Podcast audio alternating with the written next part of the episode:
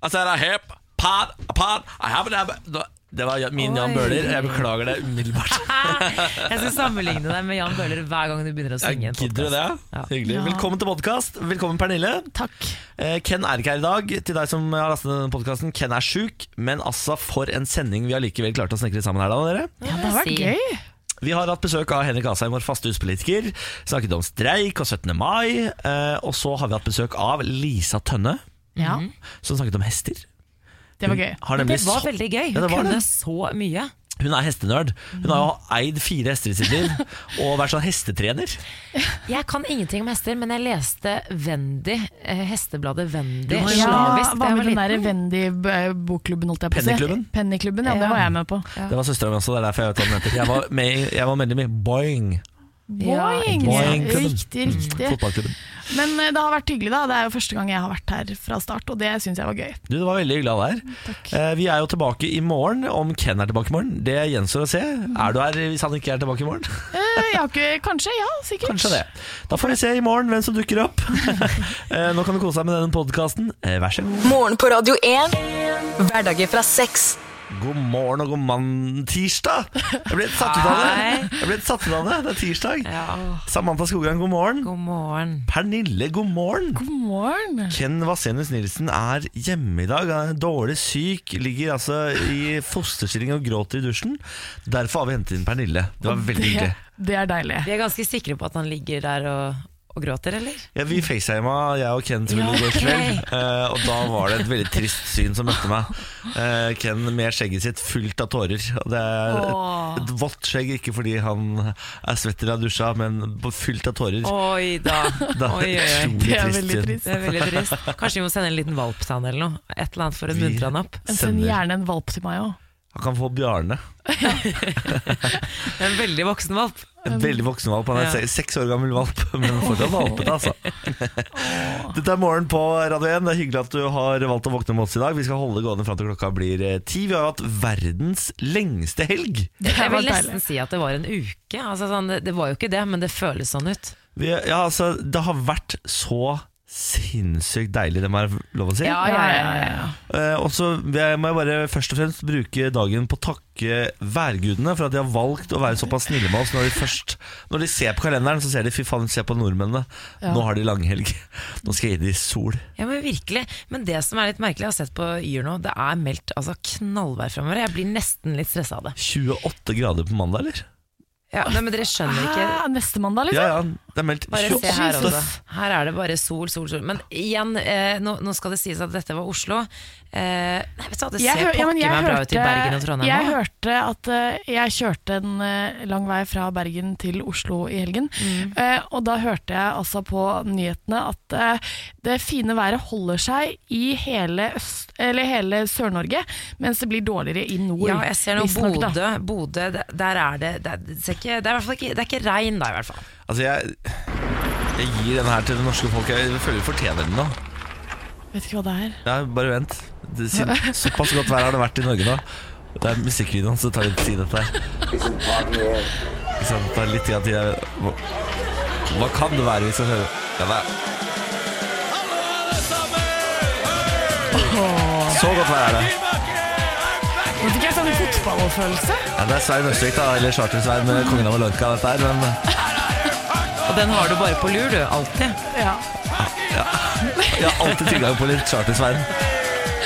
Men altså, hvor lang intro er det mulig å ha, da? Der, ja. Jeg er kongen av Mallorca. Jeg er prins av Hurumhæ. Den går altså til hele det norske folk. Flyter det champagne. Fy fader. Ah, det er altså meldt 28 varmegrader neste mandag. Jeg bare sier det er igjen. Helt sinnssykt. Men i helt Oslo, da. sinnssykt. Men det som er med 28 varmegrader, det er for mye. ikke sant? Fordi at det, da, Nå som det har vært sånn Å, det er 24 grader, så tenker vi sånn Det er helt ålreit varmt. Eh, men det de, de tar jo og måler varmen i skyggen. 28 grader i skyggen er jo som død. Å hei du, å hei du Jeg satt ute på terrassen min når det var 25 grader nå i forrige uke Mhm. Det var så varmt at jeg ikke visste hvor jeg skulle gjøre av meg Jeg gleder meg til å kjenne Norge få sin første Er det, er det dette som kan kalles en Tropenatt. hetebølge? Ja, det må være en hetebølge. Kanskje det. Men når du er så varm på terrassen, står eh, Benjamin med en sånn liten sånn minivifte Ja, og vifter deg. Han, han går skyttertrafikk fram og tilbake fra kjøkkenet med sånne iskalde drinker. Titta, titta. En, eh, sånn der, jeg, jo, jeg har jo blitt hekta på det som er så utrolig trendy, det er Aperol Spritz. Ja. Ja, det, det var, folk drakk bare det på 17. mai, uansett hvor jeg jeg har blitt, altså, det har blitt så trendy, og det irriterer meg. For jeg, jeg, jeg, det er et eller annet i, i min personlighet som stritter imot å kaste seg på sånne bølger. Jeg det. Men det er jo så inn i helvete godt! Og det er så lett å lage. Ja, for det er veldig mye drinker som er veldig godt å drikke, altså sånn, men som du ikke klarer å lage på egen hånd. Og det er det som er Aperol Spritz sin holy grail, fordi du klarer å lage det uansett hvor Ja. amøbe du er. da. Og til de som ikke vet hvordan man lager det, man tar to, nei, tre deler Prosecco, to deler Aperol Spritz, én del sodavann. Ja. Vær så god. Ja, det er for, men de der blandingsforholdene er ganske viktige å få til, fordi den er ganske besk, den Aperol Spritz-smaken. veldig. Og så må du ha Ja. litt Og så må du ha ei lita appelsinskive for at det skal holde seg ordentlig bra. Det har blitt en sånn trendgreie, fordi da jeg var på Mallorca Apropos chartersvein. Når du var, når du var her Den der champagne Damer, se på meg. Når du var der, ja? Ja, eh, så, så var eh, Det er fem år siden, og det var jo også det har jo, Denne drinken har jo håper å si, vært, eh, vært populær lenge. Men da var det ikke så mange som visste hva den var. For jeg husker jeg kom hjem og bare Å, jeg har drukket verdens beste drink, og da hadde ingen hørt om den. Aperol-folka, de har holdt ut lenge De, har, de startet på altså, Yes, stayers. 1800-tallet altså, det er sånn, På flaska så er det sånn sinns 1800-tallet altså, Det er helt vilt hvor lenge de har holdt på Så de har sittet der, og de har bare sånn I år skjer det I det år ingen- skal de drikke vår drink Hold, ut, hold pusten, ikke gi deg nå Og så er det så fader røde salgstall i år igjen Ja, men neste år Ja, skal det hvert skje eneste år, faktisk. Det tror jeg. Så, Det er sikkert bare en sånn rik onkel i Amerika som har hele greia. ikke sant? Ja, som elsker den smaken. Ja. Men taxfree nå, det, der begynner det å gå tom for Aperol Spritz. Så det, Gjør de det? Nå er det bare Eller jeg heter det bare Aperol. Ap- det heter vel ap Drinken Det heter heter Aperol Aperol. Spritz Ja, Og så heter den. Aperol Og jeg kan informere om at Lidl Hvis dere er i utlandet noen gang Lidl har en knockoff som heter Bitterol som Er den god? Den er, Æsj. det smaker akkurat det samme det og fordi jeg, jeg, er på, jeg har da feriehus på Malta Eller svigermor har feriehus på Malta Der har de Lidl overalt Og der har de sånne pakker med to flasker Prosecco Eller jo, for det er faktisk ekte Prosecco Lidl har sin egen Lidl Prosecco Ja. Og så har de Bitterol Som du blander oppi Og det er altså terningkast 6000 Jeg ble blottet for foran en Lidl en gang. Apropos Hva Lidl. er det du sier? Jeg var på Hersonisos i 2007. Hersonisos, var det det du sa? Eh, Faen, du er jo Du er, Hersa- du er, du er kongen av Mallorca, du Ja, men jeg er det! Drit i charter-Svein. Jeg er det. Og Da var det en mann som satt utenfor Lidl med alt fremme. Det var fælt. Jeg ville bare fortelle om det. Fy fader jeg, altså, I feel your pain, Samantha Skogran Dette er morgen på Radio Jeg vil gjerne snakke om en nyhet som eh, skjedde før helgen, men siden det har vært langhelg, så har det på en måte ikke vært tid til å snakke om det.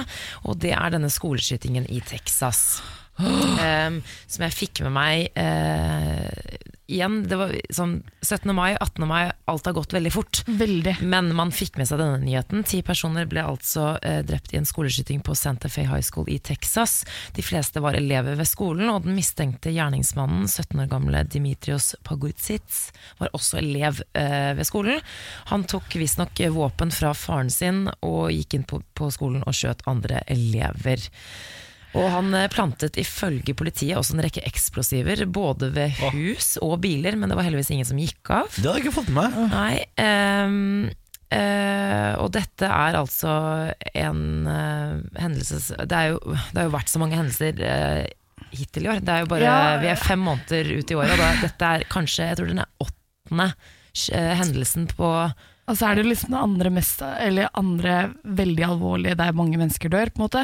Eh, og så, ja, men jeg blir bare sånn det, det, det er jo trist at skoleskytinger skal være en av de tingene som på en måte faller inn i mengden av ting som skjer i verden. Eller sånn at det bare skal bli helt sånn vanlig, da. For det er sånn Å ja, ops, det har vært- en skoleskyting i USA. Det er ingen som tenker sånn Terroralarmen er på, liksom. F- Altså Før i tiden så var jo terrorreaksjoner Da var det Da var det toppsak i hvert fall i tre dager Ja. Nå snakker vi kanskje seks timer ja.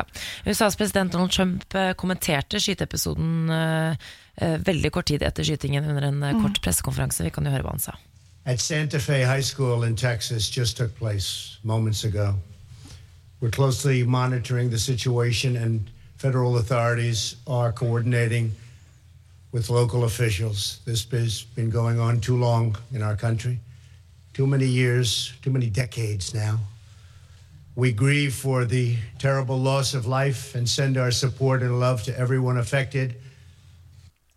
Ja, Det er nettopp det han sier. Dette har foregått altfor lenge i landet vårt, og han er i sorg osv. Men unnskyld meg, det har ikke en dritt å si. Fordi at det, det går ikke an å bare si sånn dette her er trist og dette her er dumt, hvis du ikke gjør en døll Ja. Men- med de lovene. Ja, det, jeg husker jeg satt og klappa i dette radioprogrammet i januar fordi eh, Trump skulle drive og innføre masse nye våpenlovgivninger. Har han Hvor er er det? de? Det var et eller annet med at han skulle fjerne eh, Altså Eller om, så å si, legge ned et forbud mot disse våpnene som ble brukt bl.a. I Las. Vegas. Ja, det der bump-greiene. Og så var det vel å innføre en ny bakgrunnssjekk, sånn at man skulle unngå at folk med psykiske lidelser fikk eh, Ja, våpen. Men her er på en måte de catch 22-situasjonene som er i USA. Fordi at eh, Problemet er jo at eh, det er masse stater som har ganske mye frihet eh, og kan gjøre litt som de vil. Så Mm. hvis NRA er veldig sterk i en stat, så kan de bare si vet du hva, eller da kan det Men de har jo ikke lov til å overkjøre Nei, men de har ganske mye frihet i liksom sine lover om at de er en Problemet er Grunnloven er våpen, og Ja. Grunnloven er et problem. Men var det, Eh, ikke, var det ikke Texas som skulle gi lærerne våpen, da? Jo, det var litt Det var helt andre veien. Jeg vil bare få lov til å si at det er den tredje skyteepisoden eh, på bare åtte dager i USA, og den 22. siden 1. januar. Vær så Ja. god.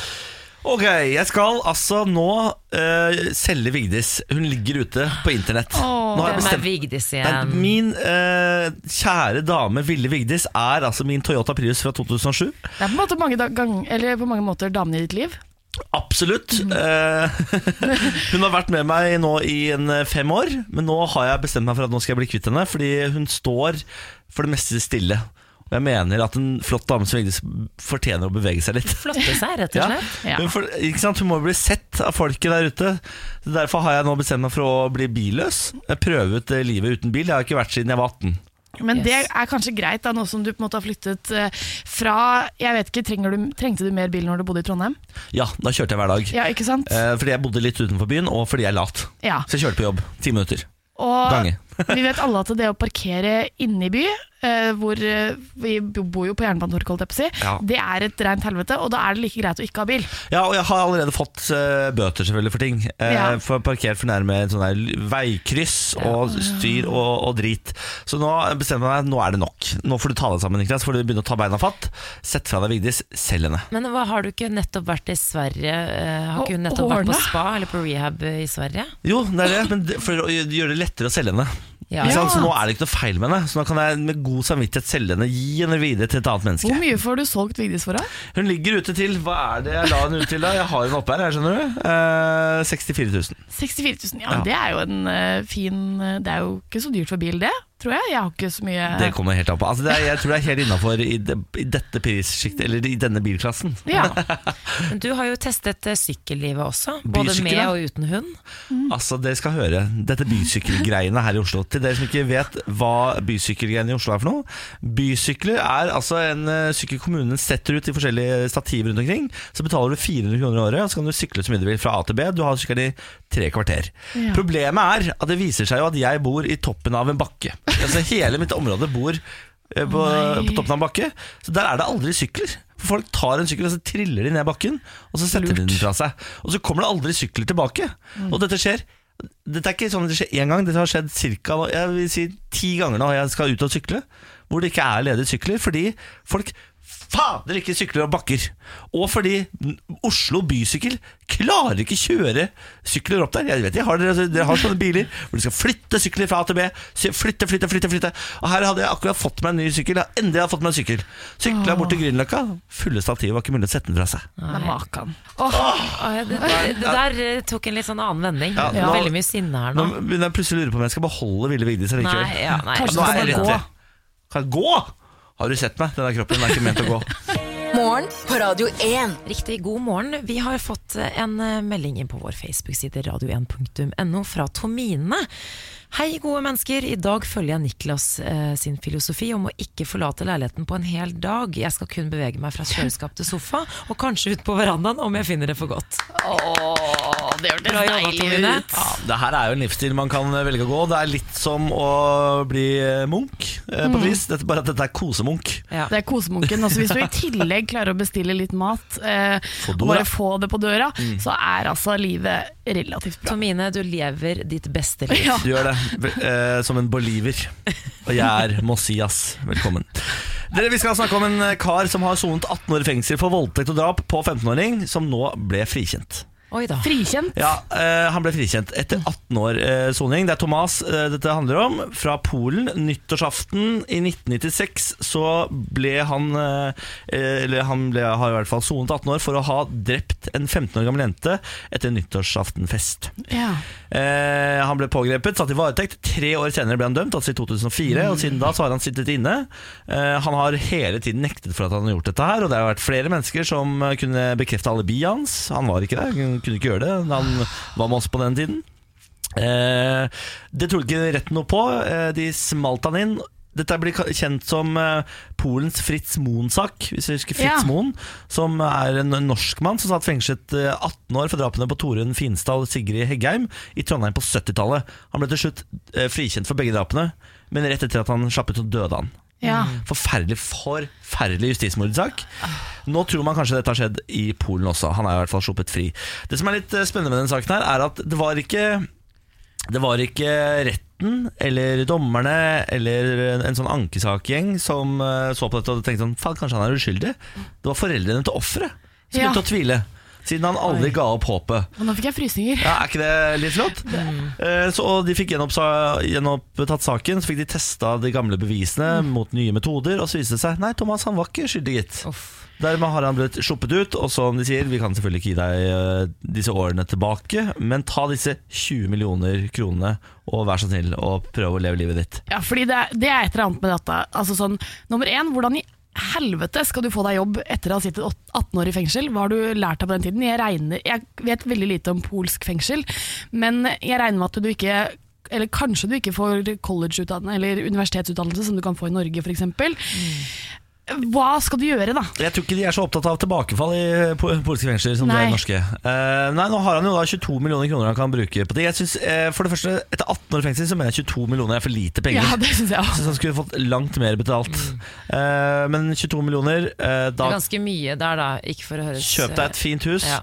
Eh, start på nytt. Og lev ditt beste liv. Men Ja. det som er eh, trist med det her, er at det er jo veldig synd på han selvfølgelig, men det verste med det er jo at en skyldig mann eller kvinne har gått fri. Ja, fordi det, men det er helt Eller jeg syns ikke nødvendigvis det er det verste, fordi at eh, hun Jenta var jo død, men her er det jo på en måte Det er jo to drap, da, på, på et vis. Fordi du har Ja, ja. jo Det er jo et, liksom en frihetsfrarøvelse i 18 år. Og hvis Mm. han da ble tatt når han var 20, så er han liksom nærmere 50 nå. Og det er Syns jeg er skikkelig fælt. Når jeg leser disse sakene her, så begynner jeg alltid å tenke på hva jeg selv ville gjort hvis jeg hadde blitt uskyldig dømt for noe. Og satt Fader, skal 18 man gjøre? Det- Jeg tror ikke jeg hadde Jeg mener du er ganske sterk psykisk hvis du overlever 18 år for en dom du ikke har gjort. Ja. Jeg, det er jeg ikke sikker på at jeg har gjort. Ass. Dere, Vi skal over til eh, min guilty pleasure. I denne redaksjonen så er det uten tvil eh, jeg som er mest opptatt av kjendiser og sladder. Og jeg føler det er min oppgave å holde dere oppdaterte på hva som skjer ja, i celeb life. Yes. Så jeg tror vi må ta en prat om årets mest omtalte bryllup. Altså, så vakkert. Nemlig bryllupet mellom Meghan Markle og prins Harry, som nå eh, Nå heter hun ikke Meghan Markle lenger, nå heter hun hertuginne Meghan. Ja, hva ble hun hertuginne av? Sussex. Sussex! Yes. Første noensinne, tror jeg. Sier du det? Eller på veldig lenge. Og- Dette er for øvrig lyden av at de går nedover eh, kirkegulvet, er det ikke det? Ja, og det, altså det her var så nydelig at uh, jeg fikk med meg akkurat da hun gikk ned alteret til rett før jeg skulle i bryllup selv. Og tårene bare trillet eh, og ødela delvis sminken min. Nei og nei og nei, altså makeupen da. Ja. Hadde, du vært, hadde du vært hos uh, makeupartist? Du, jeg fikk faktisk Jeg ble sminka. Du ble det, ja. Av eh, brudens uh, For sminkefølge. sånn, har, sånn er det i sånn kjendisbryllup. Da er det makeupartist som ordner festen til folk. Det var ikke, det var ikke helt sånn eh, Meghan Markle-nivå, men fy søren, det var ikke langt unna. Nei. Men over 120 000 mennesker som dere så hadde samlet seg utenfor Windsor Castle for å se ja. Få et glimt av eh, prins Harry og, eh, Mar og Markle og Jeg kunne faktisk gjort det sjøl, jeg. Jeg hadde Ja. ikke, da er ikke meg, det er ikke meg, eh, holdt jeg på å si, eh, fremmed å bruke masse penger på å reise til London for å se på prinsen Ja. altså, jeg- jeg ville jeg ville blitt med deg, faktisk. Det er veldig rart. Ja, altså, jeg, dette skjønner jeg ikke. Jeg, jeg, dette går imot alt jeg tror på. Det å skulle bli fascinert av at noe kongelig Ja. For jeg føler meg så jævlig sånn bondetam Ja. med høygaffelen. Ja. Sånn, sånn, Se på meg, da, overmenneske! Men Jeg hva? hyller deg! Velkommen til eh, gjengen, håper jeg. Det er bare gøy. Men store stjerner som George Clooney, Oprah Winfrey, David og Victoria Beckham, Serena Williams og James Blunt var til stede. uh, av alle mennesker. Han måtte gå ut på Twitter og rettferdiggjøre hvorfor han var invitert. Det var veldig gøy. der. etter at de, de hadde gitt hverandre sitt ja, så dro de rett videre til eh, St. George's Hall for lunsj, før det nygifte paret skiftet til mindre formelle, men pene antrekk, satte seg inn i Jaguar, Ja. til Frogmore House, der den hemmelige bryllupsfesten fant sted. Prins Charles var verten der. Da var det kun 200 gjestene som var invitert. Oh ja, okay. da vi skrella 400. Var dronninga Ja. der? Eh, bare et, i to timer. Ja, okay, Før bra. hun måtte hjem, ja. Ga, Eh, gammel skreppe, hun ass. Ja, ja, men hun er med, ass. Ja, da, men hun nå ser ut som hun, er, er hun ser jo ut som hun holdes kunstig i live. Ja, jeg syns hun er ganske sprek. Til tross for mobilforbud under festen, så var det ikke alle gjestene som var like tilbakeholdne på sosiale medier. Og nå er det flere av gjestene som har røpet hva som egentlig skjedde på festen. Eh, Det var en hemmelig diskofest med iskrembil i hagen samt food trucks. De serverte dirty burgers. Jeg vet ikke helt hva det er, men Dirty burger. Jo, det er ikke det burger med sånn uh, Smelteost, holdt jeg på å si. Nei, det er med sånn, med sånn kjøttgreier oppå. Sånn uh, Ja, sånn, ja. gryte oppå. Ja, Sånn chili ja, con ja, carne ja. sånn oppå.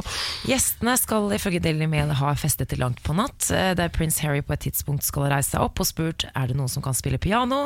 Ja, sa Elton John og spilte fire av sine største låter.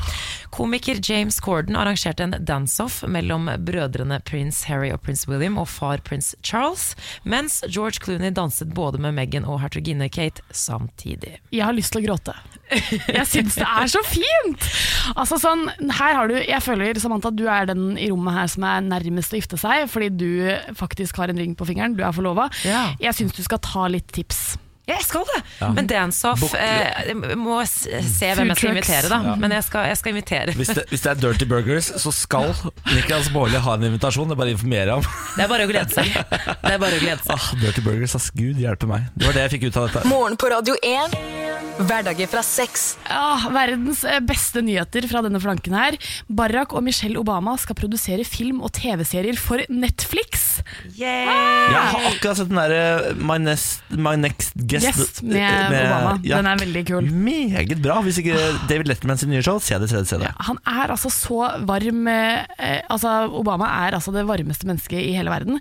Og han, eh, det, dette her, de skal Presidentparet ønsker å dele historier med hele verden. Dette her slapp Netflix US i går eh, på Twitter. Eh, og, altså her har de, de har entered en flerårig avtale til å produsere filmer, serier og både liksom dokus, doku, dokuserier, unscripted og scripted serier. Jeg vet ikke helt hva den norske oversettelsen er. Men dette her kan jo bli helt sinnssykt. Tenk at vi skal komme på, få komme på innsiden av presidentparets liv. Ja, For det skal handle om de, er det det som er greia? Ikke helt, men de skal i hvert fall være med å produsere mye. Og dokuserier, f.eks. Jeg tror ikke det blir helt eh, Teenage Ma eller Teen Mam-opplegg, men Så Obama starta produksjonsselskap? omtrent. Jeg tror det skulle være, var snakk om inspirerende historier, så løfte frem Ja. eh, inspirerende historier rundt omkring i USA. Men det som er litt kult med det her, det jeg har skjønt er at det er en liten sånn politisk undertone her. At Ja. de, vil, eh, de vil på en måte få frem det som eh, ikke er bra med landet, og også på en måte påpeke hva Trump gjør galt på en eller annen sånn lur måte. Aha, de driver fortsatt politikk, ja, bare via video. Nettopp, men det liker jeg. Fordi selv om ikke, De er ikke sånne pensjonister som bare Nei, nå skal vi bare spille golf og drikke te. De, de holder på, altså. Ja, hvor gamle er de? Ikke så gamle? De Er veldig unge. Rundt Ja. 50-ish, eller mellom 50 og 60. Litt tidlig å spille golf hver dag når du er 50, eller? Ja. Men det er veldig fint, for, eh, for eh, Obama skriver selv at en av gledene gjennom vår tid i offentlig tjeneste var å møte så mange fascinerende mennesker på alle stadier i livet, og hjelpe dem med å dele sine erfaringer med et bredere publikum. Derfor er Michelle og jeg ekstremt glade for å samarbeide med Netflix, og vi håper å dyrke de talentfulle, inspirerende og kreative stemmene som er i stand til å fremme empati og forståelse mellom mennesker, og hjelpe dem med å dele sine historier med hele verden. Vet du hva jeg tror? Jeg tror det her er en del av en kampanje for å få Michelle Obama til å bli president. Hun har sagt at hun aldri vil stille. Jeg lyver. Tror du hun lyver? Hillary Clinton var sånn Nei, jeg skal ikke stille kjempelenge. Oh, ja, sier du det? Ja. Det var jo kjempelurt at hun stilte, da. Det er det amerikanske folket sin feil. Uff. Ja, men altså, ja. Ta nå, eh, men Michelle Obama er jo i hvert fall likende, nesten ikke annet. Ja, Dere jeg har lyst til å ta dere med inn i det mykeste, deiligste rommet her i Morgen på Radio 1. Det er et sted vi kaller Tenketanken. Tenketanken. Her inne du snakke med din mykeste, deiligste stemme. Hei. Ikke Det var veldig britisk tullestemme det. Ta på deg pysjamasen, eventuelt onepiecen. Da skal du ha Marius-mønster på den. Det er det eneste jeg godtar. Marius-mønster på onepiecen. Det er en ny regel i dag. Ok, Dilemma dere kan ta stilling til, siden det er så rojalt her for tiden, og det er mye bryllup det er snakk om. Ville du heller forlatt uh, din forlovede ved alteret, eller bli forlatt av din forlovede ved alteret? Oi. Det her, nå får jeg sånne bilder av eh, Julia Roberts i filmen 'Runaway Bride', hvor hun stikker av sånn tre ganger på rappen. En gang på en hest. Unnskyld. Eh, og hun får ikke mye sympati. Jeg gjør ikke det, nei. Nei, og jeg tenker sånn hvis man blir forlatt, det er forferdelig flaut. Men får man ikke ganske mye sympati? Jeg også tenker det samme. Du vil jo, altså Hele familien kommer jo til altså, Du kommer til å ha en evig klem fra venner og bekjente. Og ikke minst økonomiske fordeler, tenker jeg da. Du får alle, gave, du får alle gavene. Får man beholde gavene hvis det ikke blir bryllup? Jeg tror man får beholde gavene hvis man blir forlatt. Fordi det er ingen som vil ha tilbake en gave. Den er det mye ulykke over. Ja, Men så er det Ja. bare sånne kjøkkenmaskiner som er sånn til Johan og Pernille. Å nei. Å nei. Ja, ikke sant? Faen, Nei, har du en Kenwood med det det? er litt sånn Vil du være en hurpe for resten av livet? Eh, og Da tenker jeg hvordan andre ser på deg, selvfølgelig. Eller vil du være en som Vil du, vil du være et offer? Det er litt sånn, da. Jeg tenker jo det er alltid lettest å være offer. Ja. Det er derfor så mange elsker å gå inn i offerrollen. Jeg er jo veldig god på det selv. Kanskje en av mine beste roller. Offerrollen. Eh, jeg- fordi det jeg tror er tungt, det er å gå rundt i, i en verden hvor alle hater deg. Jeg tror det er til og med liksom de nærmeste har vanskeligheter for å svelge at du forlater noen ved alteret. Men det kommer an på årsaken, da. ja. For det kan være at hvis det er sånn Men han, han er et svin. Han er et svin, han slår han er et. Svin, han slår meg Men hvis han ikke gjør det, da er du enda større hurtig. Hvordan er den der Lion King-låta 'Han er et svin'? Pumba-sangen. Jeg husker ikke. Men jeg tenker også det er en ganske god mulighet dette her for å eh, på en måte eh, eh, si sayonara til alle i livet ditt. Hvis du er keen på å gå i en undercover-rolle senere, så kan du bare flytte til et annet land og bare slippe å ha kontakt med noen. Så hvis du har en drittfamilie, så er dette her ganske fint. Tenk deg hvis du forlater en ved alteret, -hmm. så finner du deg en ny, og dere skal gifte dere. Og så gjør Tenk deg nervene til det mennesket. I det. Eller tenk deg nervene dine, for du vet at det går. Fordi, hæ? Du vet at det går an å forlate. forlate? Jeg, Ja. vet, jeg har lest saker nå hvor det er bruder som innrømmer nå at de eh, visste at det var feil før. Ja. Eh, før de giftet seg, men de gjorde det likevel. Det var en VG-sak i dag eller i går, så er det en VG pluss-sak. Hvis du har VG pluss, kan du lese den. Men det var en dame som skrev sånn To timer etter vielsen visste jeg at jeg hadde begått en feil. Ja, og hun, ikke sant, hun ser jo, det ser jo ikke bra ut. Jeg ville valgt å bli eh, f, eh, forlatt. Ja. Eh, Og til alle som forlater noen ved alteret. Whoopity-scoop. Scoop-dee-dee-whoop. Whoop-dee-scoop-dee-poop. Morgen på Radio 1. Det er jo 22. mai. Det betyr at vi er altså forbi 17. mai. Vi har feira noe så til gangs. Deilig! Kan jeg fortelle dere en måte dere kan eh, runde 17. mai på neste år? Jeg har altså en verdens beste tips til eh, hvordan man runder 17. mai før det. God morgen, Henrik. God morgen. Det er nesten å ta deg med inn. Henrik Asheim er på besøk på faste huspolitiker. Ja, hei! Beklager, Henrik. Hei, hei. Men nå vil jeg vel gjerne ha det tipset. Ja, altså Hør på dette. For det, I år runda jeg 17. mai. Oi, shit. For det er jo en, eh, en kan, kan være verdens beste festdag. Det var det i år. Pent vær, det var deilig. Eh, men jeg startet ikke 17. mai før klokka 14.00. Nei! Eh, Og det er tipset, fordi eh, da kommer man til eh, en gjeng som ofte har drukket seg litt grann opp. Du tar deg jo to-tre øl før du drar, men da slipper du alt støyet. Du slipper all køen, du slipper eh, alle barn. Ja vel, for det høres så kjedelig ut. Jeg er så skeptisk til dette. Dette Ja, synes jeg ikke var noen gode løsninger i Syns hele tatt. Sånn, jeg har et godt tips til eh, nyttårsaften. Kom klokken ett. Da er det jo ingen mennesker igjen. Ja, men Dette er det samme Det tipset som jeg hadde til. Disney Nice. Kom en halvtime etter showet har begynt. Køen er borte. Men det er så dumt, Niklas. Altså, sånn, vet du hvor full jeg var når klokka var seks på 17. mai? Altså, sånn, jeg begynte for å si det sånn, jeg begynte 18. mai med å spy tre ganger. Jeg var altså så dårlig at eh, det, går, det er veldig kjedelig å være min venn på 18. mai. Ja, okay. Nei, 17. mai generelt. Fordi at eh, jeg er jo et jævlig menneske. Greit, da, tar vi, da innser jeg at dette tipset gjelder bare for meg. Ja. Ja, Eh, det gjør det. Men da må vi ta en prat om noe annet, nemlig nordmenn på 17. mai. Og da særlig unge kvinner og gutter på 17. mai. Jeg vil si rundt 19-20-21-årsalderen. Mm. De må ta seg en bolle, må de ikke det? Jo, kanskje det. Hva mener du? Jeg har ikke, altså, jeg har ikke vært borti noe mer usjarmerende enn eh, det å ta T-banen eh, fra Majorstua til Grorud. eh, altså gjennom hele Oslo. Så du ser på en måte alle samfunnslag, og, du ser hele Oslo by på én T-banetur.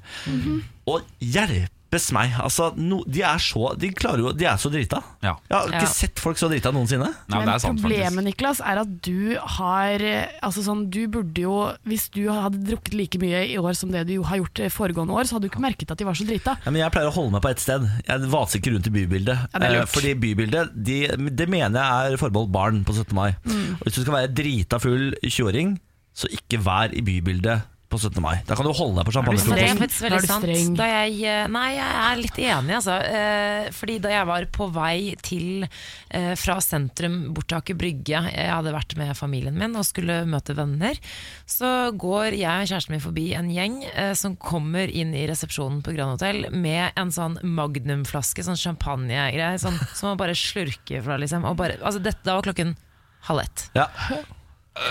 Helt forferdelig. Dette er din generasjon, dette er din generasjon Pernille. Forsvar deg! Ja, forsvar deg. Ja, det er ikke helt min generasjon. Da. Vi er født i samme Det er dine venner, Pernille. Det er ikke mine venner, jo det er det nok også. Altså, jeg vil bare si at jeg var jo en av eh, blant de usjarmerende som eh, møtte bl.a. Ken eh, på gata, og det eneste jeg klarte å se på var hunden som Ken hadde med seg. Så jeg så, ikke at, jeg så ikke at det var Ken engang. Å nei, sant? Så jeg bare gikk, jeg bare gikk forbi og! Men Var det fordi du var full? Ja. Ja. Hadde på deg, er du bunadsjente? Jeg er bunadsjente, og det er veldig usjarmerende å være full i bunad. Det må jeg si. Ja, for det, er, det, det blir altså, Fordi fulle jenter er greit nok, men så er det fulle jenter i bunad. De blir så jævla usjarmerende. Altså, jeg, vet jeg blir sånn ekstra homo. Jeg, blir sånn, jeg skal aldri se på en kvinne igjen, tenker jeg når jeg ser full kvinne i bunad. Men det kommer veldig an på hvordan full du er. Da. For hvis du er, en, hvis du er en som gråter når du er full, eller blir sånn sint når du er full, så er det jo bare dritt. Men hvis du er en gladfull person, så er det jo ikke så ille. Dere skjønner ikke hvor skrikete det er. Det er det som er problemet. Slapp av. Henrik, Pernille! Ja, det var veldig, det er veldig høyt lyd nå, ja. Ja. Men eh, Henrik, var du gladlaks på 17. mai? Ja, jeg synes, nå syns jeg dere er så negative. Takk. du det? 17. mai er den fineste dagen i år. Altså, jeg har det alltid gøy på 17. mai. Ja, noen mennesker er fulle, det er dumt, men de aller fleste har det bare kjempefint på 17. mai. Det som skjer nå, Henrik, det er at du føler deg truffet. Ja, lite grann. Jeg var på frokost fra klokken ni, og jeg befant meg i bybildet. Ja, du var det. Ja, nettopp. Hvor full var du, vil du si, klokken to? Nei, vet du hva? Jeg var uh, full, ja, men ikke sånn at uh, det var upassende. Nei. Du skrek ikke. Nei, jeg, jeg gjorde ikke det, altså. Du begynte ikke å ta på folk du ikke kjente og sånn? Nei, det gjorde jeg ikke. Og vi hadde en strategi. Vi gikk ganske lenge faktisk fra frokosten til Aker Brygge. Det er lurt. Dere var på Aker Brygge, ja? Men vi var ikke på Solli plass. Nå leverer Høyre-mannen så godt. Ok, Hvor satt dere? Samantha Hadde... var også på Aker Brygge. Ja, ja, ja. Hun er fra Frogner. Dere er jo, dere er jo Jeg var på Sorgenfri. jeg. Kafé Sorgenfri. Ja. Jeg var på Ling Ling først, da. Ikke sant? Nettopp. Sammen med Gita her på Radio 1. Det var hun som inviterte. Ling Ling er Eh, Ling Ling er uh, Hakkasan. Det er sånn asiatisk der, Det var restaurant. der, da? Den fineste liksom, asiatiske ja. Oslo? Ja, men vi spiste ikke der, da. Vi dro på Kafé Sorgenfri og spiste rett etterpå. Ja, for det, ja, ikke sant Snobber Ja. nedover. men eh, men for- problemet vårt nå er at jeg er jo 34 år gammel blitt. Ja. Så vår vennegjeng har jo delt seg i to rett og slett på 17. mai. Fordi halvparten har nå barn og er hjemme hos en kompis av meg i huset. Det er bare, ikke sant? Og de, de sender sånn snaps sånn Vil noen ha mer gelé? Og så er det liksom vi andre som ikke har fått barn, hvor det er liksom bear pong og fullstendig Og gøy. kaos. Og utrolig mye gøyere, selvfølgelig. Jeg har eh, nå byttet ut bear pong med flip cup. Det er så Ja, mye det er morsommere. Men hvordan, men hvordan fungerer drikke... Altså fordi Bear pong skal du treffe en kopp med øl i. Ja, for du, du har da en kopp med halv, med halv pils i, så du må eh, bunne den halve pilsen. Og så skal du sette koppen på hodet og, så flippe, flippe den, og så er og det nestemann. Ja, det er. Ja, det er altså verdens beste drikkelighet Og Man må slutte med beer pong, for det er så mye søl. Eh, Men eh, flip Men cup flip the cup er ikke mye søl når alle bare kaster ølen litt bakover. Det er mye mer søl med flip the cup. Eh, du skal, du skal drikke det, Pernille. Ja, men det er ikke alle som drikker det. Da- Ikke jeg i hvert fall, men Igjen så er jeg forundra over den vendingen din. Morgen på Radio 1. For en uke siden gikk eh, 1700 NRK-arbeidere ut i streik etter at det ikke ble enighet mellom Norsk Journalistlag, LO Stat og arbeidsgiverorganisasjonen Spekter. Denne uken kan 6000 nye statsansatte gå ut i streik. Riksmegleren eh, skal de neste to døgnene forsøke å redde årets statsoppgjør, eh, som brøt sammen i slutten av april. Hvis han ikke lykkes, blir det altså storstreik i staten fra torsdag. Henrik Asheim, du Hvorfor skal disse folka streike? Det er altså folk som er organisert i LO, YS, Unio eller Akademikerne. Kommunal- og moderniseringsdepartementet forhandler på vegne av staten.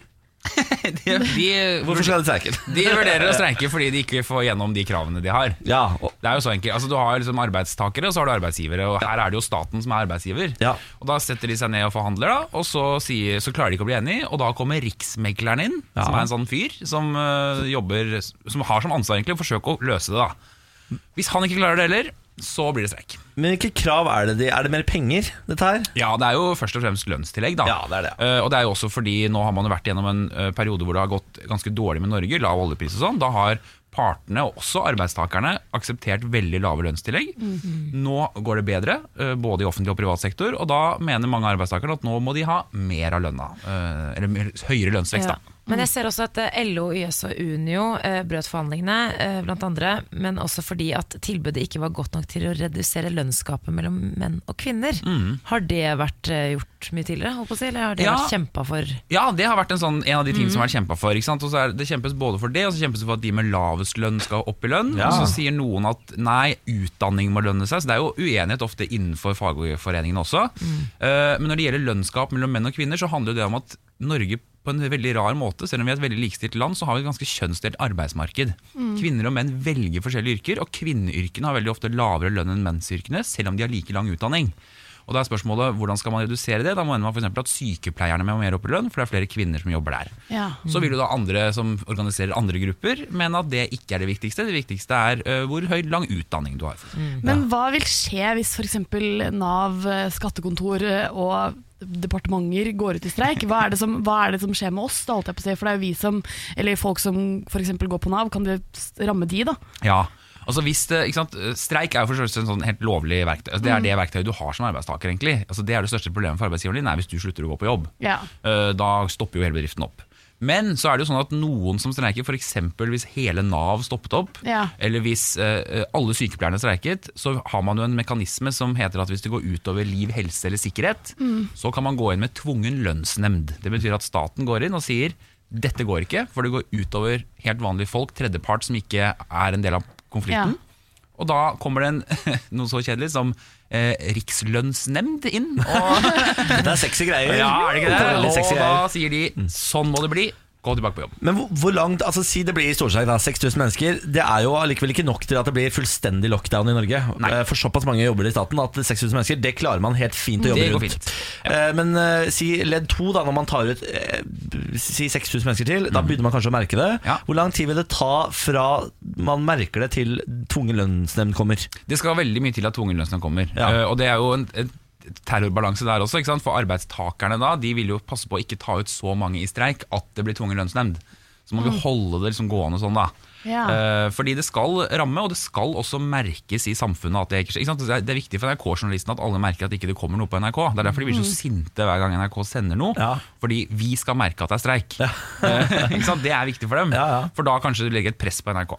Så, Hva, hva mener du egentlig om eh, Nei, vi trenger ikke ta den, egentlig. Jeg stry- Stryker mitt eget spørsmål. Jeg mener ingenting om eh, den. Om streikebryteridebatten i NRK. Nei, det mener jeg heller ingenting om. mener ingenting om det. Stortinget mener Nei, ingenting det om er selvfølgelig Dere har ikke lov til å mene noe, så er det Nei, om sånne ting. Men kan Stortinget streike? Nei, det kan vi ikke. Men tenk hvis det kunne det. Ja, men Tenk så lite den streiken hadde hatt oppslutning i befolkningen.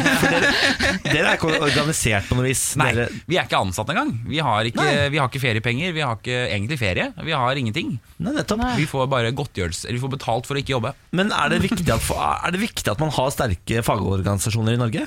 Du er jo en høyremann. Det er, dere er jo ikke akkurat kjent for å være liksom, fagforeningenes venn, er det det? Nei, det er ikke helt Altså, jeg mener det er veldig det er, oh, nå nå, tra Ja, trampa jeg på høyretærne. Ja. Vi er også like gode Jo, venner men- med foreningene som Arbeiderpartiet. Jo, men dette er veldig Hvis du sammenligner Norge med Frankrike da Ja. Altså Frankrike så har det vært Jeg tror det fortsatt er togstreik hver torsdag ikke Ja. Og det har de hver torsdag ikke sant? Så tar det så få og så lite ut i streik At det bare blir irriterende mm. En gang i uka I Norge så har du fagforeninger Som alltid har vært ganske ansvarlig Mm. Og det betyr at de har også akseptert dårlige lønnsoppgjør når, når de ser at hvis vi ikke aksepterer det, så går bedriften vi jobber i over ende og sånn videre. Så det at vi har de ansvarlige fagforeningene, det er kjempeviktig. Men det viktige de da må ha, er streikeretten. Ja. Eh, Og når de bruker den, og i Norge bruker man den ganske sjelden Ja. Eh, Bøndene så- bruker den ofte, føler jeg. Ja, denne gangen gjorde de jo ikke det, faktisk. Nei, faktisk ikke. Nei. Det var ikke så mye bråkrut-oppgjør heller. Nei, de fikk eh, bøndene, ganske mye nå penger. har dere- ja. Ja, Frp-politikeren ordna det. Hva er det for noe? Georg Jon Dale? Georg Dale, ja. Georg Dale ordna for 1,1 milliard på Fy faen, bordet. Fornøyd med det? Ja, Ja, Bra det. Bra for bøndene. bra for bøndene. Men ok, Vi avslutter med en liten sånn uh, En liten odds-tipping her. Hvor, hvor stor sjanse er det for at staten går ut i streik? Jeg tror ikke det kommer til å skje, men uh, vi får vente og se. Vi får vente og se. Enn så lenge er det da altså NRK i streik med 1700 mennesker. Det er kanskje grunnen til at du har uh, lagt merke til at NRK1 er veldig glad i å sende pandaer Istedenfor Dagsrevyen. istedenfor Dagsrevyen, f.eks. Mye, Altså, mye Poirot. mye Poirot. Jeg elsker det! Nei! Det er jo alltid Det er butleren. Det er Ja. liksom Ikke ødelegg nå. Morgen på Radio 1. Hverdagen er her, og nå er den skumle, mørke nyheten at det ikke er noen inneklemte fredager eh, før sommeren.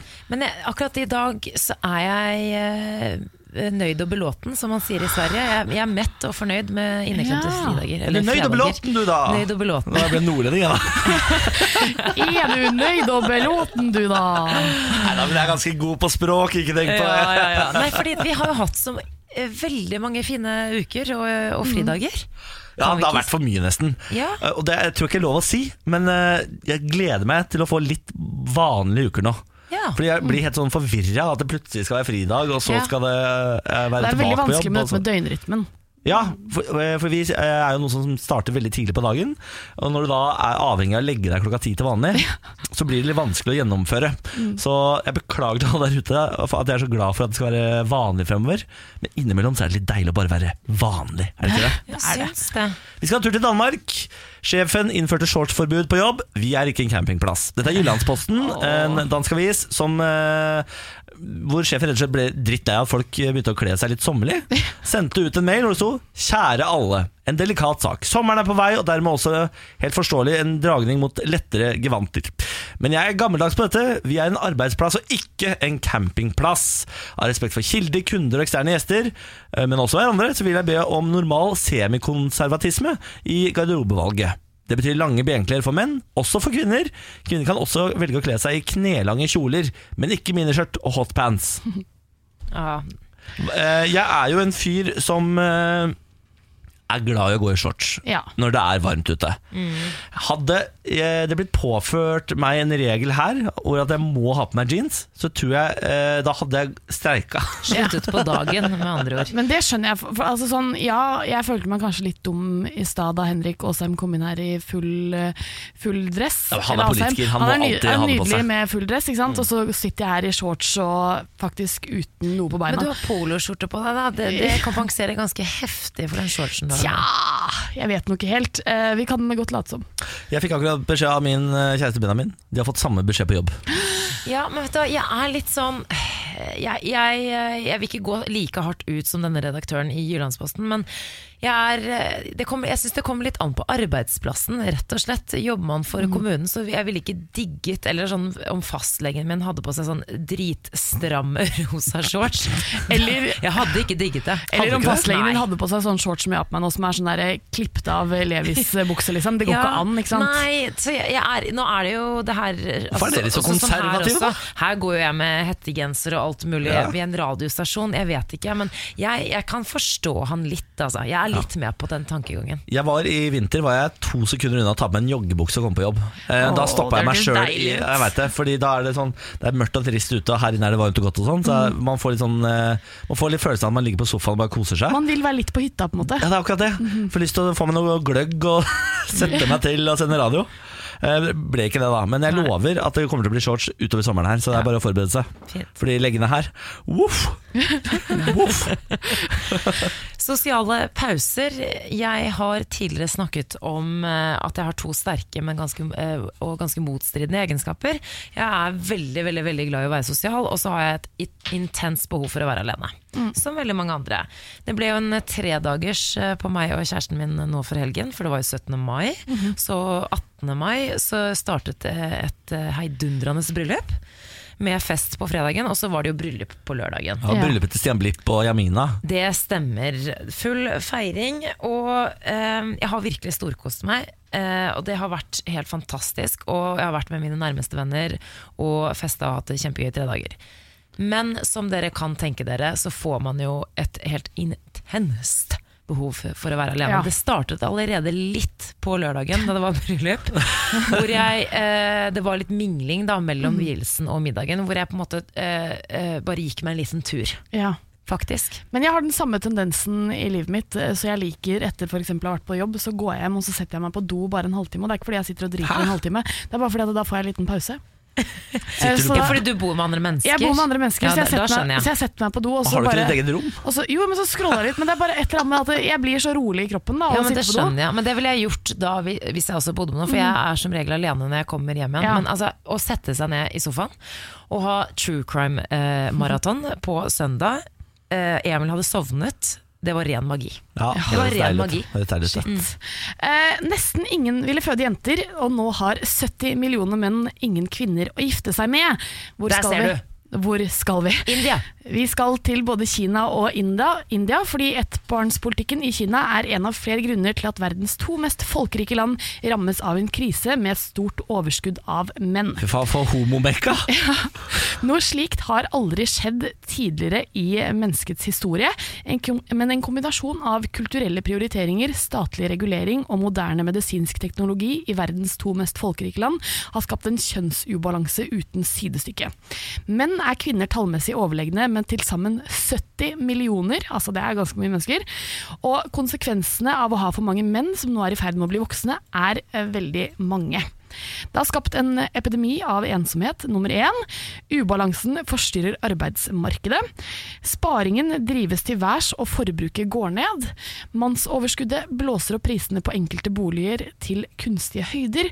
Og det er kommet en økning i voldskriminalitet, menneskehandel og prostitusjon i stadig flere byer.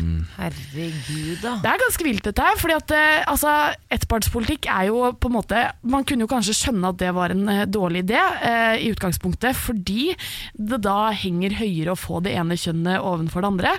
Eh, men så er det jo så dumt dette her med at folk kan velge Man kan jo nesten, man kan jo genmodifisere barna sine omtrent. ikke sant? Du kan velge om du vil ha en gutt eller jente i magen, og så er det da veldig mange, fordi det er høyere prestisje å få gutter, så velger de gutt. Og dette her er jo så negativt eh, for på en måte gjengen resten av, eller verden da. Men kanskje litt positivt, eh, fordi det vil jo ikke da bli født like mye barn i denne generasjonen. Men sånt, Ja, sånn, sånt her skjer når du begynner å tukle med biologi. Du kan ikke begynne å tukle med jente og gutt. Altså jeg skjønner at det er veldig mye barn og veldig mye mennesker der eh, i disse landene, men du kan ikke tukle med sånt. Nei. Da må du i hvert fall forby uh, muligheten til å se kjønn, da. Ja. Da hadde, Ja. da hadde dette vært unngått, på en måte for da ville jo naturen tatt seg av det. Ja. Ja ja, men tenker lenger enn nesa rekker skje. Morgen på Radio 1. Hverdager fra seks. Eh, vi snakket om 17. mai tidligere i dag. eh, vi har fått en melding på vår Facebook-side, på radio1.no. Mubashar Ali skriver til oss med tanke på at dere snakker om 17. mai, så vil jeg bare si at det burde bli laget en statu... En statue? Statue? Statue? Statue?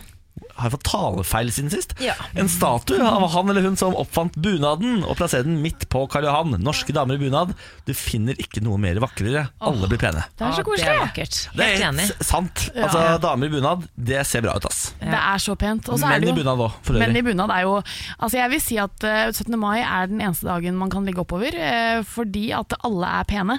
Eh, fordi folk har på seg Det det sånn, ja. fineste de har. Og da er det sånn Du kan, hvis du er en sekser, så kan du ligge tier på 17. mai, fordi du er nydelig i bunaden din. Det er sant, Det det. er synd at det bare er 17. mai en gang i året. Ja, Det er veldig synd. Også på festival, når det regner, kan du ligge oppover, for Ja. da har alle på seg poncho, og ponchoen kan skjule så mangt. Ponchoen kan skjule så mangt. Ungdom kan bli påvirket av gangsterrap. Det er Jan Bøhler fra Arbeiderpartiet som mener dette. Han mener at hiphop og gangsterrap kan ha negativ påvirkning på ungdom. Hovedsakelig snakk om ungdom i Oslo og Groruddalen. I et intervju med Groruddalens Avis sier han at rus er et av svarene på volden i Groruddalen, men at det andre som kommer opp eh, oftest, faktisk er gangsterrappen. Og han eh, eh, har Bøler! Bøler! Jeg blir ikke med på den. han skal ha eh, for engasjementet sitt, fordi han har jo nå kommet med en ny sang. I begynnelsen av mai eh, heter den bare 'Glem det'. Jeg tror det. Ja, Han oppfordrer altså ungdom til å holde seg unna bråk. Vi kan jo ta en liten trall. Hva skjer av du må hevne deg Men hvis du sverger til ære går det bare en vei Jo at du vil være harde kall, Men du har dine drømmer Stopp en hal Kan ikke vi bare la gang. Glemme alle fiender og ta en sang. Glem det, glem det få Jan Bøhler sier altså 'glem alle fiender og ta en sang', for så enkelt er det. Eh, kulturminister eh, Trine Skei Grande reagerer kraftig på Bøhlers utspill og mener det er veldig gammeldags. Hun mener at hovedproblemet verken er musikk eller religion, men utenforskapet. Bøhler gjør avstanden større. Han gjør at mange ungdommer tenker at de voksne aldri kommer til å forstå. Nei, men stakkars Bøler, da. Hæ? Han ville bare lage en sang, han. Kanskje litt av musikkvideo med capsen Ja. bak fram. Vet du hva, den musikkvideoen her, den her eh, minner meg, det minner meg litt om eh, han pastoren i USA som har en sang som er sånn Ja. Jesus Christ is my nigger.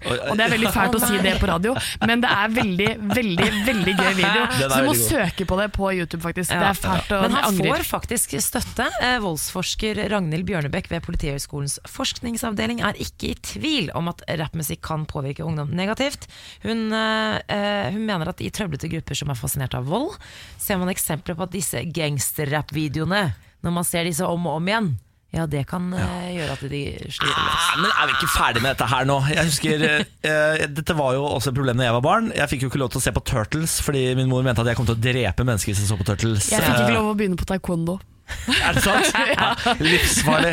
Uh, dataspill, eksempel. Livsfarlig, sier ja. foreldre. Det er, nå må vi I 2018 må vi ha mer kunnskap om dette, må ikke det da? Ja. Altså, ikke undervurdere ungdommen så fælt. Nei. Det er ikke bare fordi at man hører en sangtekst, så løper man ut og gjør det. Altså Folk tror jo ikke at de kan eh, begynne å eh, løpe rundt og stjele biler bare fordi de spiller sånn der eh, Grand Theft Auto. Ja. Jeg kan informere om at jeg har hørt på både Tupac, jeg har hørt på Biggie, og jeg har fortsatt ikke vært medlem av en gjeng eller drept noen. Nei, ikke Det er så Nå godt jobba, Niklas. nå er jeg 29 år, så nå Ja. det burde ha skjedd er det er på tide. Eh, Jan Bøhler han er jo um, en karakter. Uh, han har jo gjort dette før. Han lagde jo den Groruddalen-sangen. Og da tenkte man sånn Å, fy faen, se på han så søtt og koselig. Dette har han gjort med humor og glimt i øyet. Uh, og så lagde han jo enda en låt, nemlig den julelåta si. Og så tenkte man sånn Hmm, er Jan Bøhler kanskje, kanskje han ikke har så mye selvinnsikt? Kanskje han ikke skjønner at, dette, at vi ler litt av og med Ja. og, om hverandre? Og så lagde han denne låta om eh, rappmusikk. Og så innså man at Jan Bøhler er jo bare gæren, han. Han er jo Jeg vet ikke om bare han er så gæren, men han er, bare, han er litt for engasjert. Nei, men mistet altså- litt i bakken som barn. Nei. Er det lov å si? Nei, og du vet at Når Niklas ler sånn, da vet du at du har gått over grensen. Da vet du. Ja, men Jeg tror, ikke det, jeg tror ikke det er lov å si at Jan Bøhler ble mista i bakken som barn. Det tror jeg ikke. Å, unnskyld. Så vi Jan legger Bøhler. oss selvfølgelig flate, gjør vi ikke det da? Jo, det gjør vi. vi legger oss langflate, Ja. beklager det. Selvfølgelig. Ikke meld oss til PFU, det orker vi ikke akkurat nå. Eh, hør heller på Kanye West. Whoopity scoop. La oss tenke på noe annet. Angrer. Apropos en annen artist. Ja, Som også ikke sant, påvirker barna til å poop ja. The scoop, eller scoop the poop eventuelt. Og det vet jo nå at alle ungdommer i USA driver og scooper the poop hele tiden. Og det er livsfarlig. Morgen på Radio 1. Jeg burde kanskje ta en pause fra meg selv også snart, fordi at jeg tror at IQ-en min synker litt for hvert eneste år som går. Blir du dummere og dummere? Jeg Altså? blir bare dummere og dummere. Altså I år så tenkte jeg sånn eh, På 17. mai da, så tenkte jeg at jeg skal være føre var. Jeg skal ta på meg gnagsårplaster før jeg tar på bunadskoene. Eh, Men det jeg ikke tenkte på, er at eh, gnagsårplaster klassisk må sitte på i sånn tolv timer før du kan ta på deg sko. Hæ? Eh, ja, det Det er er det ingen som gjør. Nei, det var et eller annet som skjedde i hvert fall, fordi jeg fikk en sånn brett på gnagsårplasteret Mm. som gjorde at jeg fikk gnagsår. Eh, en slags catch 22-situasjon der. Ja. Og det har altså gjort at jeg har gått rundt i sånne sydentøfler eh, siden den gang, for de har gnagsår overalt. Altså, det er ikke meningen at du skal ha på de sandalene. Nei, det var ikke, det var ikke helt med vilje, fordi det er Adidas eh, Det er bare sånn, her, det er bare sånn Er det flippers? Ja, det, er flippers, ser, ja. eh, Det er sånn du ser- håndballtøfler for alle som har gått på håndball. Nå, Sånne Det er slippers! Det er sånne, slippers. Du mangler bare sånne Umbro-shorts. ja, det er det. Jeg mangler bare Umbro-shorts. Jeg, jeg har ikke sett sånne slippers siden jeg var på camping da jeg var eh, barn. Ja, det er skikkelig camping-slippers, og jeg, det er jo det deiligste i verden å gå med. Men jeg er nødt til å gjøre det òg, fordi at eh, jeg får så vondt av å ta på meg vanlige sko. Så det du sier nå, det er at uh, man har lov til å gå med slippers, bare man kan liksom skylde på gnagsår. Ja. Fy faen, dette er jo life hack. trendy ut. Jeg oppriktig syns at du ser trendy ut. det ser kjempetrendy ut. Men jeg måtte også ringe til foreldrene mine og si dere må kjøpe, dere må ordne, gå på en sportsbutikk og kjøpe et eller annet eh, slippers til godjenta, fordi dette her Og gjør kaller du så deg vondt. sjøl godjenta Jeg gjør det. Foreldrene ordner opp for deg. Lilleprinsesse Pernille. Å, fy faen. Dere, Heimebane 2 søker hooligans. Kan vi bare snakke litt om Heimebane-sesong 1 først? Så for en TV-serie. Du vil bare hylle den litt. Det er helt greit. Ane Dahl Torp, Jon Carew, en eh, fantastisk flott eh, fotballserie på NRK. Eh, NRK trenger altså 75 eh, til 100 hooligans til senere i Heimebane 2. Er du mellom 18 og 25 år, er det bare å melde seg på. Eh, det er Facebook-siden Det skjer i Moss som har lagt ut meldingen. Hva sier du nå? Det skjer i Moss?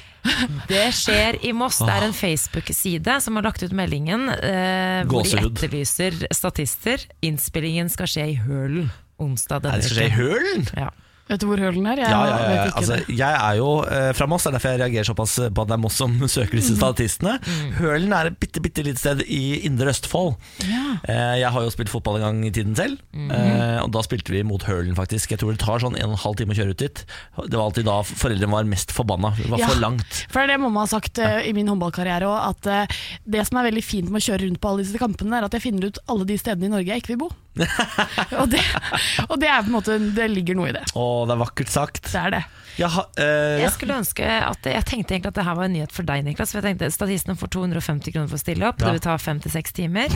Eh, ja, det er for lite da- betalt. Ja, ja, men jeg tenkte at du er jo såpass fan at du ikke ville gjort det. Men du er eh, over 25 år. Ja, men jeg ser jo ut som jeg er 14. Hæ? Ja. Det bare Med en gang du får tatt barten nå, så blir det bra, det. Ja, apropos barten, nå skal jeg, jeg har jo eh, trassbart. Jeg, jeg kom hjem fra frisøren eh, og hadde farget barten som humorgrep. Eh, og så ser kjæresten min meg og sier den barten her er det styggeste jeg har sett. Idet hans ord falt, så sa jeg denne barten skal bli. Eh, og nå har jeg bestemt meg for at den skal bli til august. Ja. Eh, August, ja. da, men nå har fargen på en måte begynt å gå ut av den. Så nå har jeg funnet et sted på internett hvor jeg kan bestille en ny fargede barten, og det er bestilt. Ja, fordi akkurat nå så har du litt sånn ombrebart. Eh, litt mørkt eh, innerst, og så lyser det utover. Ja, Men nå skal den snart bli mørkebrun eller lysebrun hele barten. Da det kommer til å bli så vakkert. Du må farge håret også, da, for det er veldig, og øyebrynene, for det ser veldig rart ut å ha eh, ekstremt intens brunfarge Ja, men Det er på ikke intens brunfarge, den skal være lysebrun. Ja, det er det man sier. Det er det alle jenter som skal farge øyebrynene også sier, men så blir det jo uh, curd. Jeg kommer eh, ikke til å farge noe annet enn barten. Om det så ser helt ut ut, så kommer det til, bare til å være sånn. Og dette kan Benjamin takke seg sjøl for, for han har vært så imot den barten og fortsetter å være det. Han lærer ikke av sine feil. Nei. For han sier hver eneste dag 'Kan du ta den barten?' Jeg sier nei. Kan du ta den barten? Jeg sier nei. Og så, og så sier jeg eneste grunn til at jeg har den barten, er fordi du spør meg om dette. Men tar du barten hvis han slutter å kline med deg? nei. Men Niklas, hvis, du, hvis den barten blir noe lengre nå, så kommer du til å begynne å få sånn vanndråper som henger i skjegget, og matrester som henger i skjegget hver gang du spiser. Men jeg passer å frisere den, over leppene, sånn at den henger over leppene, for det er ekkelt. Ja. Så den skal liksom ikke henge over leppene, men den er i ferd med å dra seg nedover sidene, så det er, den blir sånn bikerbart. Ja. Har du klina mye med folk med bart, eh, Samantha?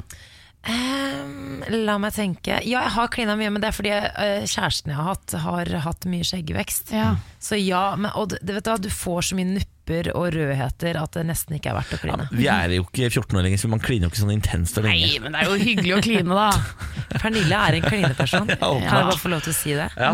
Nei, uh, vi er litt roligere på klininga. Vi, da, vi har vært sammen i sju år, så den klininga den la vi igjen for fire år siden. Hvis han slutter å kysse deg, da? Tar Ja, du den da? nei. Ok, Hyggelig forhold. Ja, men jeg kan, jo ikke, jeg kan jo ikke kaste mitt eget utseende på eh, fellesskapets alter. Du gjør vel kanskje det motsatte, eller? Nei, jeg, sier, jeg vil si at den er en oppgradering, den barten her. Ja, du, du, gikk fra en sånn, du gikk fra en sterk syver til en nier med bart. Ja, takk for det. Takk for det. Jeg er veldig fornøyd med selv. Morgen på Radio 1. Hverdager fra seks. Ok, skal vi si hallo til dagens andre gjest, Lisa Tønne. God morgen, Lisa. Hallo. Står det bra til? Ja, jeg rakk det òg. Jeg var litt eh, redd for at jeg ikke skulle rekke det. Er du dårlig på tid? Ja, ganske. Ja, nettopp. Jeg, jeg er sånn som hvis eh, noen sier sånn 'Å, skal vi spise lunsj i dag?' Så sier jeg 'Å, vet du hva, det rekker jeg ikke, for jeg skal i butikken'. Altså, jeg skjønner ikke Ja, men da er du eh, realistisk. Ja, er jeg Det er ikke litt det? Ja, det er bra. Men så blir jeg veldig glad da når jeg kommer fra butikken og ser hvor utrolig lang dag jeg har igjen.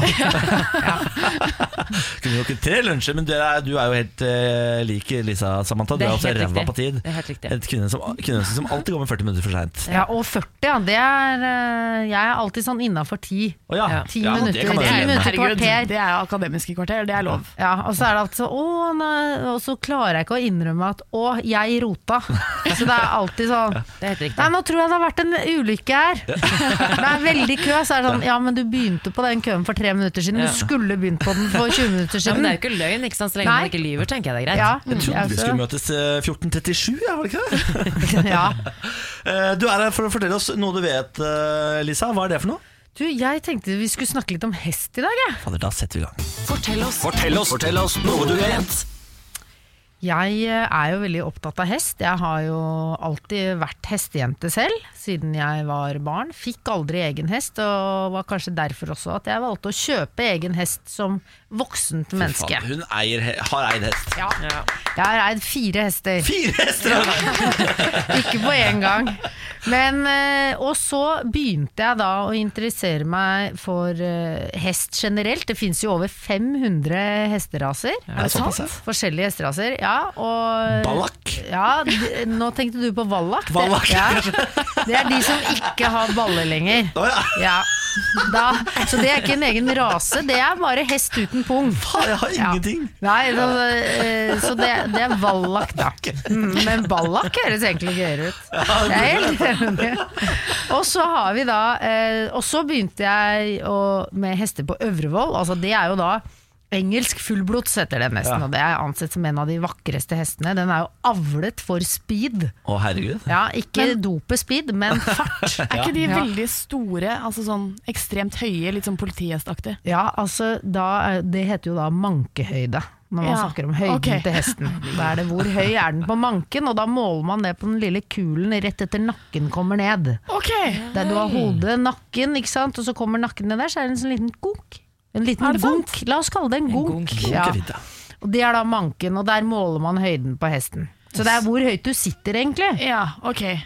Eh, og fullbloden kan være alt fra Jeg hadde en fullblodshest som var 1,52, det er ikke særlig Nei. høyt. Og så har jeg også hatt en fullblodshest som var 1,74, og det var veldig høyt å sitte på. Det er jo Ja. Ja, Så da eh, var det litt sånn skrekkblandet fryd, eh, kjente jeg. Så sitte oppå kjæresten min, ja, det er ganske høyt. det. Er, er det så? Er- De Politihestene må være høyere enn det. Ja, noen av de er nok høyere enn det. De, ah, de bruker ikke så mye fullblods. Der er det mer litt sånn krysninger eh, ofte, syns jeg det ser ut som, og det er da ofte halvblodshester. Ja, nettopp. Det er da en krysning mellom en kaldblod og en eh, varmblod eller en fullblod.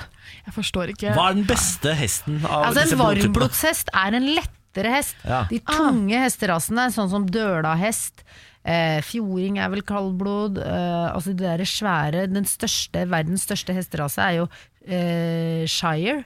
Shirehorse, eller skirehest som vi sier i Norge. Mm. Jeg synes det var fint. Ja, det er mye Skirehest finere. er veldig koselig. Og de er så svære at eh, de veier over et tonn. De skal dra ting, er det ikke det de er skapt Ja, for det er sånn arbeidshester. ja, og det er kaldblods, ikke sant. Det er okay. kaldblodige hester. Den hesten jeg driver med nå er litt spesiell. Ja. For nå har jeg begynt med noe helt nytt. Fordi når man får barn, så dropper man Formel 1-hester. Ja. Eh, Nå har jeg to venner som uh, har blitt eh, halvt invalide av eh, Uff. Og de var jo jockeyer, da. Ja. Mens jeg red jo hestene i trening, og re, trengte ikke å ri alle hestene, så de gærneste kunne jeg slippe unna, på en måte. Jeg kunne ri min egen, som jeg kjente. Eh, Men det går allikevel veldig fort, og er du uheldig der, så kan du skade deg skikkelig. ja.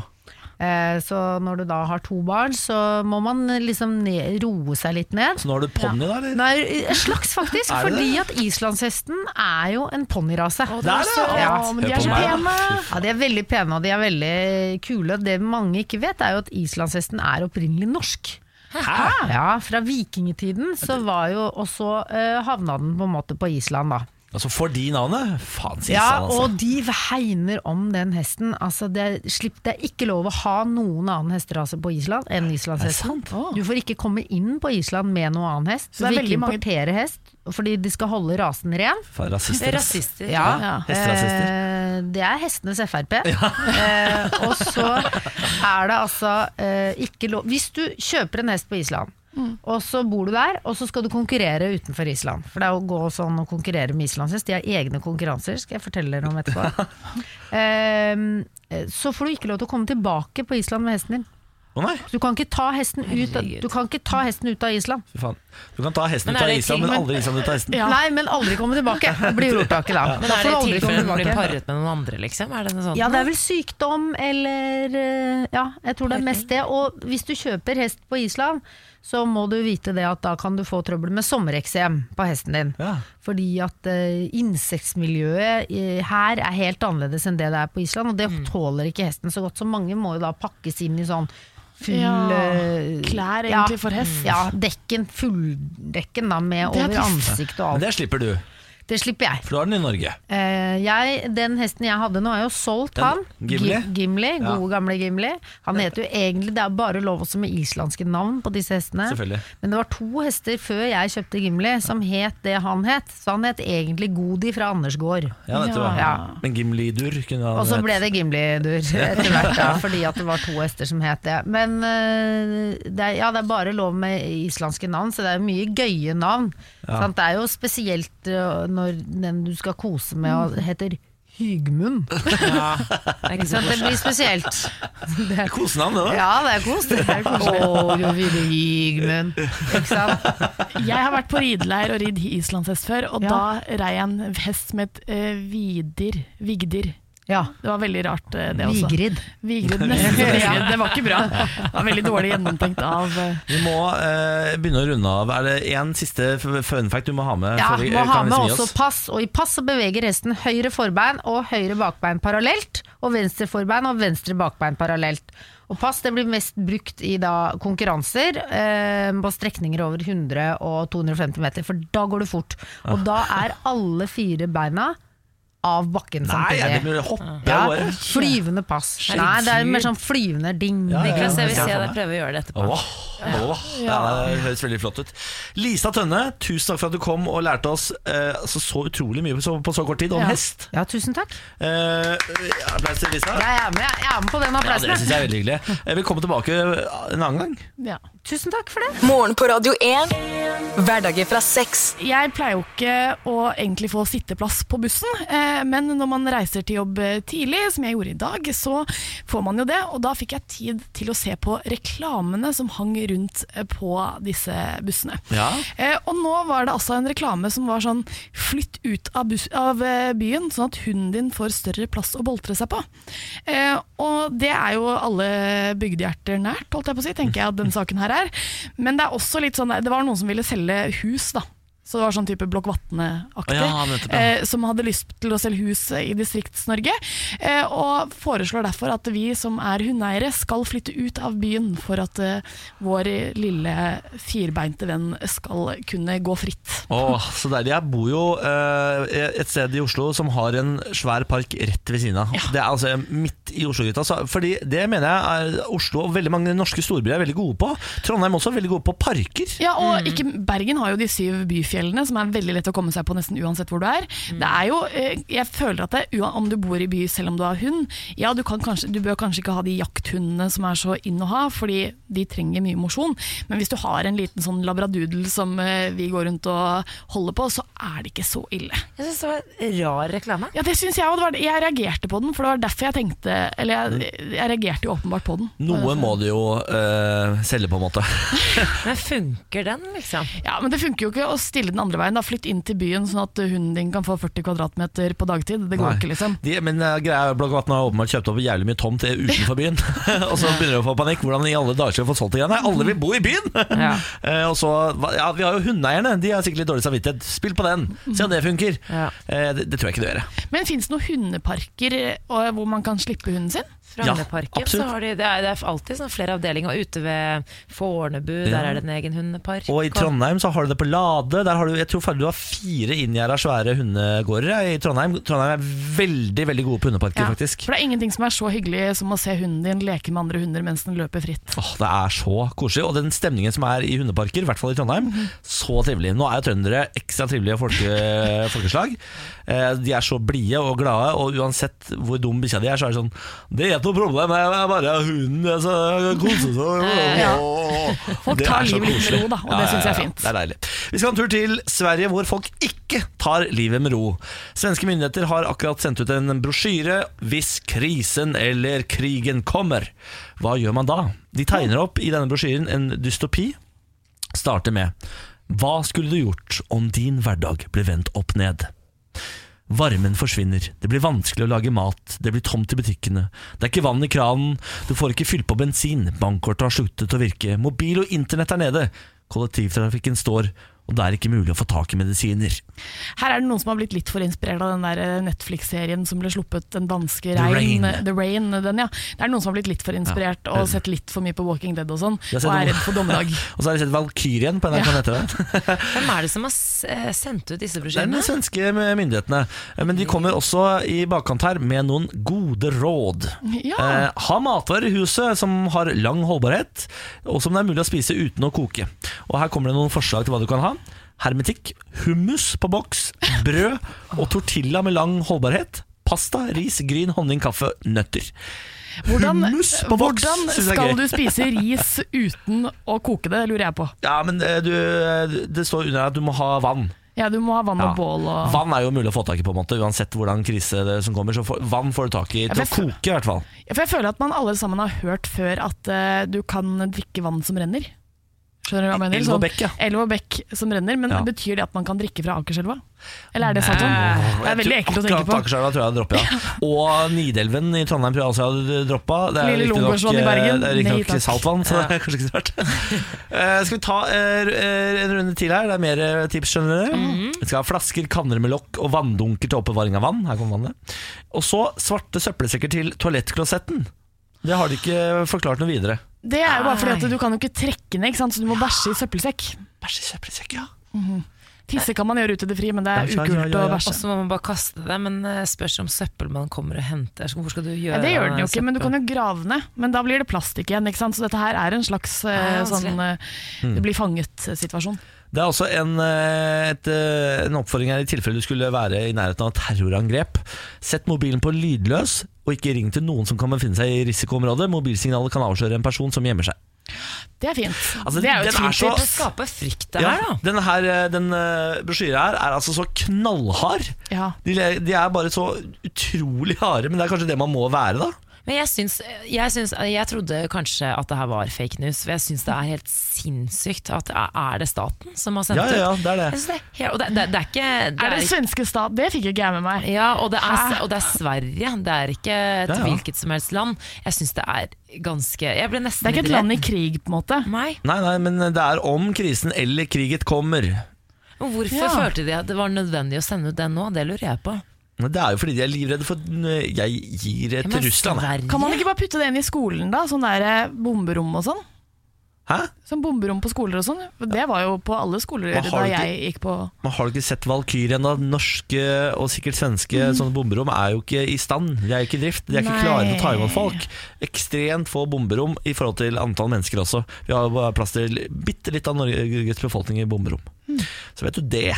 Ja. Så da er det bare å sette panikken. Få panikk! Få panikk! Alle der ute, lykke til. Morgen på Radio 1. Hverdager fra seks. Det var podkasten, det vel? Ja. Det er deilig, da. Nå, har vi, nå er det bare tre, uker, nei, tre dager, og så er det helg igjen. Herre, tenk deg. Er det sant? Ja, det Det er er helt sant, ass. Det er helt Nei. tullete. For nå er vi ferdig med tirsdagen. Ja. Altså mai måned. I love you. Ja. Ja. Men det er også, ja. Nå gleder jeg meg litt til neste uke hvor det ikke er noen inneklemte dager. ja, men det har ikke vært inneklemt, fordi det er helt greit at det er fri på mandag. Det er bare slitsomt når det er fri på tirsdag eller torsdag. Det er ikke slitsomt det, det heller, på en måte. Det er digg. Nei. Men det er bare vært så mye Hører dere hvor fort vi blir bortskjemte? Vi er så bortskjemte. Ja, vi det er er så helt bortskjemte. Nei, nå har vi gått av noen sånne Ja. ordentlige streite uker. Ja. Eh, vi høres i morgen. Til da, bon voyage. Hei då. Sayonara. Morgen på Radio 1. Hverdager fra seks.